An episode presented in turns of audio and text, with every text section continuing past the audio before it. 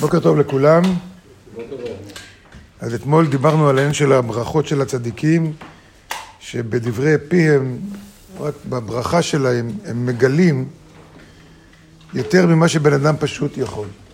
כי צדיק זה אדם שכבר, או בן אדם רוחני ברמה גבוהה, הוא כבר שינה את הטבע שלו, והטבע שלו יותר כמו הבורא, ולכן הוא יכול להמשיך את הכוח של הבורא. יותר ממה שאדם פשוט יכול לגלות בידיים ורגליים. מה הוא רוצה להגיד? אז הוא כותב ככה: כי אדם פשוט, כלומר כל אחד מאיתנו, הרוצה לגמול חסדים עם חברו, נותן לו כסף מרובו בידיו, וגם עוזר לו בצורה, בצורה גשמית, נכון? מכל מקום, אינו יודע אם יתקיים בו, מה שהוא עזר לו, אם זה יתקיים בו זמן מרובה. אנחנו יודעים שכל ה... כל העזרה שאנשים נותנים, בין אם זה לחלק אוכל לרעבים, ולתת בגדים לעניים, וכל מה שאנחנו עושים למען אחרים, כל, כל ההתנדבויות, כל ארגוני הצדקה וההתנדבויות שעושים, זה הכל עזרה גשמית. זה מה שהוא קורא לו בידיים וברגליים. זו כוונה עזרה גשמית.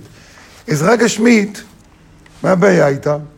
עזרה גשמית, אפילו אם אתה מגיש עזרה גשמית, אתה צריך כל פעם עוד פעם ועוד פעם ועוד פעם ועוד פעם. כי כל דבר גשמי יש לו סוף. אז איזה עזרה גשמית? אתה נותן אוכל, אתה נותן אפילו רפואה לבן אדם, מה שזה לא יהיה. הוא לא נמשך, הוא לא נמשך. האם בגלל זה צריך לא לתת עזרה גשמית? חס ושלום. חס ושלום. באותו עניין יש לנו שבן אדם חולה, אין שאלה שמי שירפא אותו זה הבורא. האור, האור של הבורא, זה מה שמרפא. אז שלא ילך לרופא? חס ושלום, כן שילך לרופא, אבל שידע שבלי העזרה שלה, ש... קודם כל, מי יודע אם זה יתקיים הרבה, בן אדם עשו לו ניתוח, הצילו את החיים שלו, הלך ברחוב, פגע במכונית ומת. אז מה עזר הניתוח? ברור שאי אפשר לעשות את החשבונות האלה, כן צריך לעזור. אבל לדעת, לדעת, כמו שהוא אומר כאן, אה, אינו יודע אם יתקיים בו זמן מרובה. לא יודע אם זה יימשך. ולכן כל העזרה הגשמית שלנו היא חשובה, היא חשובה, אבל היא לא נמשכת. היא לא נמשכת. אתה לא יודע כמה זמן זה יימשך. לעומת זה, כותב הרב אשלג פה, לעומת זה, הרוצה לגמור חסדים לחברו, הוא נותן לו ברכה בפיו. דהיינו איזה דיבורים קצרים של השירות, ותכף מתגלה השירות. מה הוא רוצה להגיד לנו פה? הרב אשלג פה רוצה להגיד לנו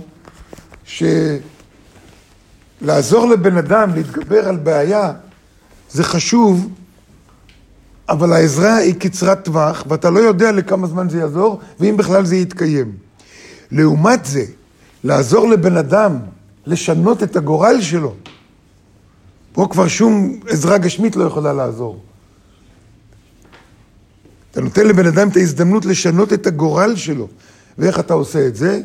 לימודי הקבלה, זה מה שלמדנו, אתה לומד את החוקיות של היקום, אתה משנה את הטבע שלך, אתה הופך מבן אדם עם רצון לקבל לרצון לקבל על מנת לתת, ממש משנה, וזה עבודה לכל החיים, כולנו יודעים את זה.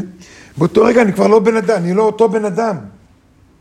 ואם אני לא אותו בן אדם, אז הגורל שלי חייב להשתנות. חייב להשתנות. זה כל העניין של תשובה אמיתית, לא תשובה דתית. אלא תשובה אמיתית, זה שאני חוזר מחדש לטבע שהיה לי לפני חטא אדם הראשון, ובטח לטבע שלי לפני החטאים שלי. בגלגול שלפני ובגלגול שלפני ובגלגול שלפני. כל זה צריך לשנות. לכן כשאנחנו נותנים הזדמנות לבן אדם ללמוד קבלה, אנחנו נותנים לו את הכלים הכי חשובים שיש. אז אפילו אם אנחנו לא צדיקים, והברכה שלנו, אני אומר לבן אדם, רפואה שלמה וכן הלאה, אולי אין לי את הכוח, אני לא צדיק, אין לי את הכוח בהבל פה לשנות את, ה, את הגורל של הבן אדם. אבל אני כן יכול לתת הזדמנות לאנשים אחרים ללמוד קבלה. חלק מאיתנו כבר מתנדבים, חלק מאיתנו כבר עושים, אבל כל בן אדם שאנחנו מדברים איתו, כל אחד שאנחנו מחלקים לו זוהר, משהו ישתנה אצלו. וכשזה משתנה, זה משתנה לנצח, זה כבר כולנו יודעים, מי שלומד קבלה כבר יודע את זה, שהשינוי שאני עובר השינוי בטבע שלי הוא לא שינוי זמני, הוא לא רק לרגע. אלא אם כן אני מפסיק להשתנות, אבל ברגע שאני משתנה ואני הופך להיות בן אדם אחר, הטבע שלי משתנה, אני לוקח את זה לא רק שלכל החיים, אני לוקח את זה גם לגלגול הבא וגם לגלגול אחרי וגם לגלגול אחרי. זה לעולמי עד. זה לעולמי עד. אפילו חזרה בתשובה בצורה דתית לא מצליחה לעשות את זה. כי גם זה, זה רק, זה רק טוב לחיים האלה. זה לא, לא ילך איתך לחיים הבאים. מדוע? כי אם רק אתה מקיים מצוות ולא משנה את הטבע שלנו, לא, אני לא הופך מבן אדם אנוכי לבן אדם פחות אנוכי, וזו עבודה לכל החיים ולגלגול אחרי גלגול. זאת העבודה היחידה והאמיתית שלנו. ולתת את ההזדמנות הזו לאחרים, א', אני צריך להשתנות, ולתת את ההזדמנות לאנשים אחרים.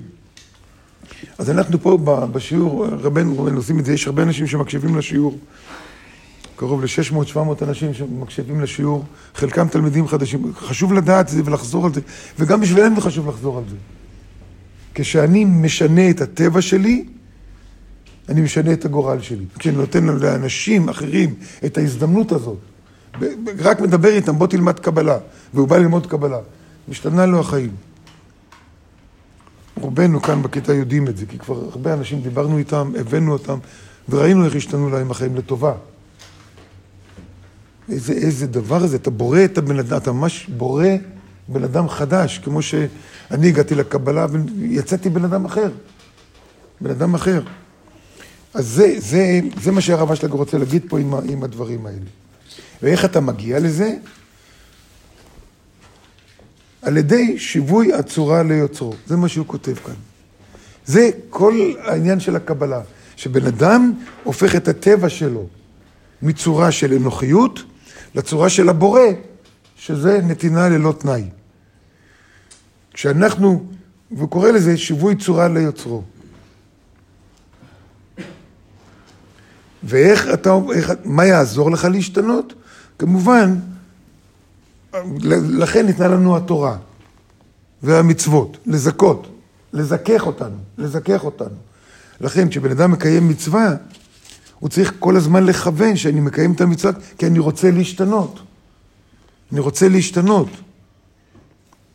גם אנחנו אומרים, לפני כל מצווה, אנחנו אומרים לשם ייחוד קודשה. נכון, למה אנחנו אומרים את זה? למה אנחנו לשם ייחוד קודשה בריחי ושתנתי והתחילו, הולכים, הולכים, התחילו, נכון. למה אנחנו אומרים את המשפטים האלה? טוב, נדבר על זה מחר.